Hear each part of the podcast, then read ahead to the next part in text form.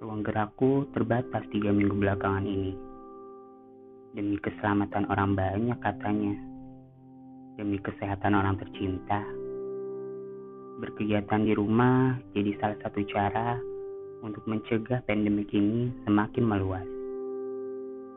Jujur, aku sudah rindu. Rindu bising suara klakson, rindu berdesakan di Jakarta, rindu sarapan nasi uduk, rindu kursi kerja di kantor, rindu nonton film di bioskop.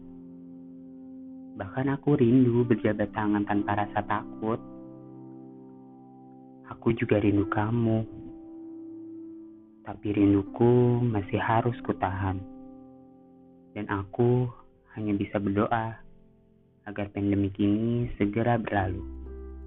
Agar aku, kamu, kami, dan kita semua bisa melepas rindu yang terjadi akibat pandemi ini. Stay di rumah aja ya, para pendengar suara hati.